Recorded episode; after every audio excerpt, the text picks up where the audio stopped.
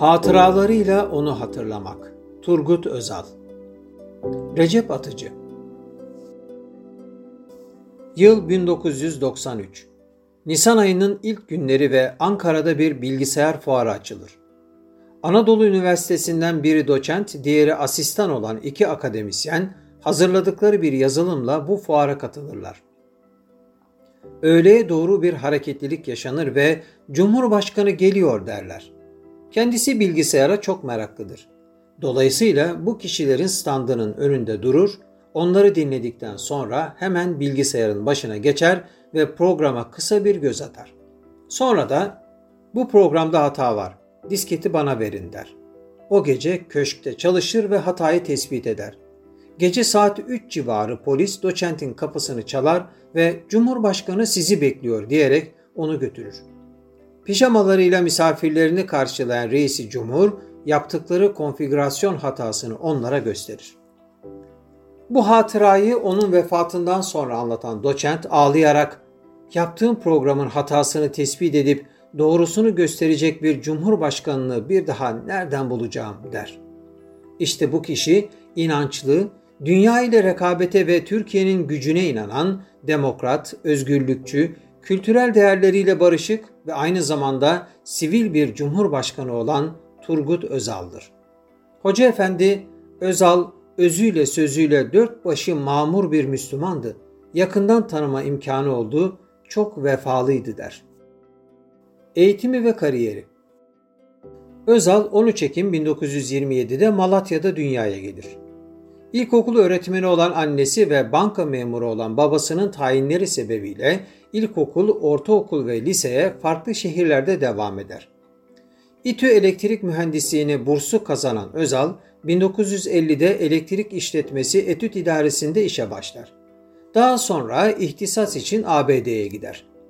Döndüğünde Devlet Planlama Teşkilatı'nda müsteşar olur. 12 Mart muhtarasının akabinde Dünya Bankası'na danışman olur. 1973'te ülkeye döndüğünde farklı şirketlerde yöneticilik yapar. 12 Kasım 1979'da Başbakanlık Müsteşarlığına atanır. Bir yıl geçmeden 12 Eylül darbesi olur. Daha sonra ekonomiden sorumlu Başbakan Yardımcısı olarak tayin edilir. 1982'de istifa eden Özal, 20 Mayıs 1983'te Anavatan Partisi'ni kurar. Başbakanlığı ve aldığı kritik kararlar 6 Kasım 1983 seçimlerinde 211 milletvekili çıkaran Özal 24 Aralık'ta başbakan olur. Göreve geldikten sonra bazı kritik kararlar alır. Bunlardan biri Kenan Evren'e rağmen siyasi yasakları kaldırtmasıdır. Bir diğeri Fatih Sultan Mehmet Köprüsü'nün 16 ayda yapılmasını sağlamasıdır. Bunun yanında çok şeritli otoyol ve GAP projesini de hayata geçirir. Bu arada dönemin Genelkurmay Başkanı Necdet Uru, Kara Kuvvetleri Komutanı Necdet Öztorun'un lehine istifa eder. Özal maksadı anlar ve onun yerine Orgeneral Necip Toruntay'ı atar. Onun yaptığı icraatlardan bir diğeri ise inananlar üzerinde demokrasinin kılıcı gibi duran TCK'nın 141, 142 ve 163. maddelerini kaldırtmasıdır.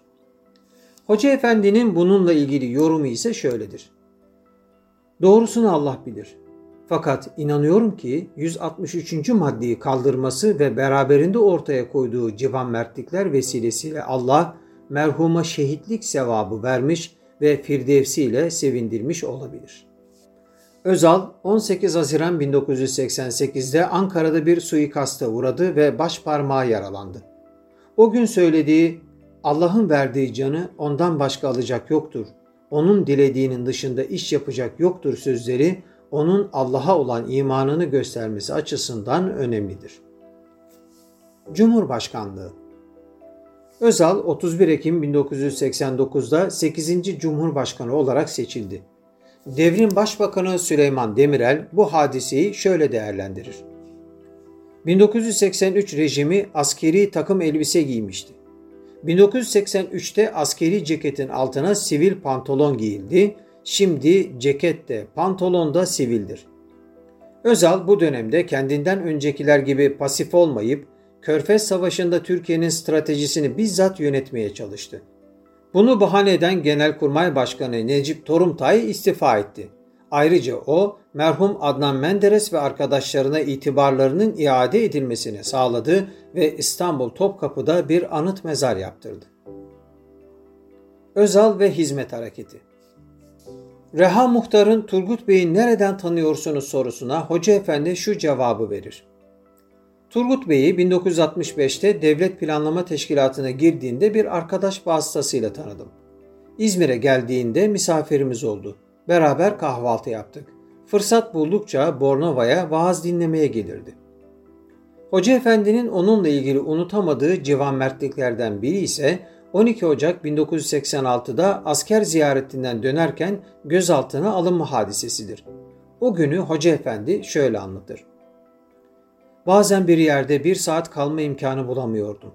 Sefillerdeki Jean Valjean gibi hep dolaştım durdum. Siz de olsanız böyle bir cendereden kurtarılmayı unutamazsınız. Burdur'da derdest edildiğimizde kendisine haber ulaşır. Gecenin bir vakti kabineyi toplar ve arkadaşlar bugün ruznamemizin tek maddesi var Fethullah Hoca tutuklanmış. Bu meseleyi çözmeliyiz der. Bana o sırada seni konuşturmasını biliriz diyorlardı. Bu durumdayken birden adamların elleri ayakları birbirine dolaştı ve bırakın başımıza dert alacağız dediler. Şimdi bunları bir kenara atıp onun centilmenliğini unutmam mümkün değildir. Özal 1993 Şubat'ında ABD'ye gitmiştir. O günlerde Afrika menşeli 40 kadar öğrenciyi hizmetin Türkiye'deki okullarında okutmak için bir proje geliştirilir. Eğitim vizesi için konsolosluğa müracaat edildiğinde kendilerine izin verilmez. O dönem ABD'de bulunan Abdullah Aymaz hocamız bir fırsatını bulur ve bu durumu Özal'a iletir. Görüşme sırasında efendim ABD'de yüksek lisans ve doktora yapan yüzden fazla arkadaşımız var der demez Özal burada o kadar var mıyız der. Özal 2 Mayıs 1992'de ABD'de ameliyat olur. Hoca Efendi o tarihte ABD'dedir ve ona yaptığı ziyareti şöyle anlatır. Houston'da Özal'ı ziyaret etmiştim. Sarıldı, hıçkıra hıçkıra ağladı ve gözyaşlarıyla ben bu hizmetin önemini ve insanlık için ne ifade ettiğini çevremdekilere anlatamıyorum dedi. Gördüm ki Özal bu konuda çok dolu ve kararlıydı. Hızlı şekilde bir şeyler yapmak istiyordu. Amerika'dan döndükten sonra önce Balkanlara, ardından da Orta Asya'ya gitti. O seyahatine oralarda okul açmak isteyen insanlardan da götürmek istedi.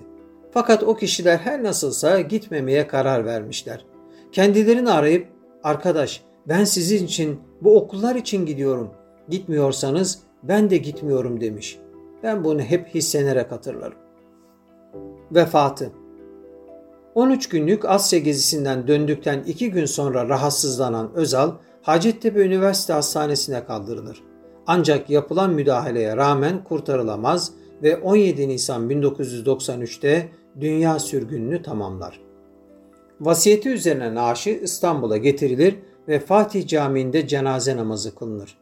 Kısa mesafe olmasına rağmen Topkapı'ya 3 saatte götürülen naaşı Adnan Menderes anıt mezarına yakın bir yere defnedilir. Hoca Efendi onun ardından şöyle bir taziye yayınlar. Büyük düşünce ve devlet adamı, sivil cumhur reisi, Müslüman Türk dünyasının vesile ümidi Sayın Devlet Başkanımızı kaybettik.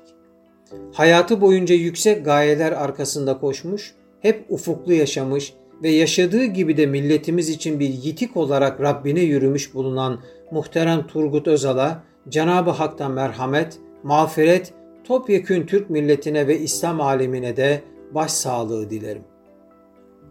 Özal'ın ruhunun ufkuna yürüdüğü gün Hoca Efendi İstanbul'da misafirdir. Sabahleyin evin penceresinde kuş gagalamasına benzer bir ses duyar. Birden görülmedik bir kuşun semaya doğru pervaz ettiğini görür. Odasına geçerken dostlarından biri Özal'ın vefat ettiğini söyler. Bunun üzerine Hoca Efendi, anlaşılıyor ki sonsuzluğa açılarak bir güvercin gibi kanat çırpan şey o Hazretin ruhuymuş der. Sonra da Efendimizin sallallahu aleyhi ve sellem Hayber'de zehirlenip seneler sonra ruhunun ufkuna yürüdüğünü, muhtemelen Hazreti Ebu Bekir'in de radıyallahu an zehirlenme sonucu şehit olduğunu ifade ettikten sonra sözü şöyle bağlar. Allah alem ruhunun ufkuna yürüdüğünde öyle bilinmez bir kuşun semanın enginliklerine doğru açılıp gitmesi o hazretinde zehirlendiğine ve şehadetine bir işarettir. 2012'de Özal'ın kabri açılır. Naaşı inceleyen adli tıp uzmanı şunları ifade eder. Araştırma sonucunda Özal'ın vücudunda yüksek miktarda etkili bir zehir olan striknin keratin bulundu. Ancak Özal'ın zehirden mi yoksa başka sebepten mi öldüğünü tespit edemedik. Bugünlerde onun gibi şahsiyetlerin himmetine çok susadığımız açıktır. Ey hasretini çektiğimiz insan! Yokluğunu ne kadar da çok hissettirdin. Sen hakiki manasıyla cumhurun reisiydin ve senin vefanı çok özledik. Rabbim makamını âli, mekanını firdevs eylesin.''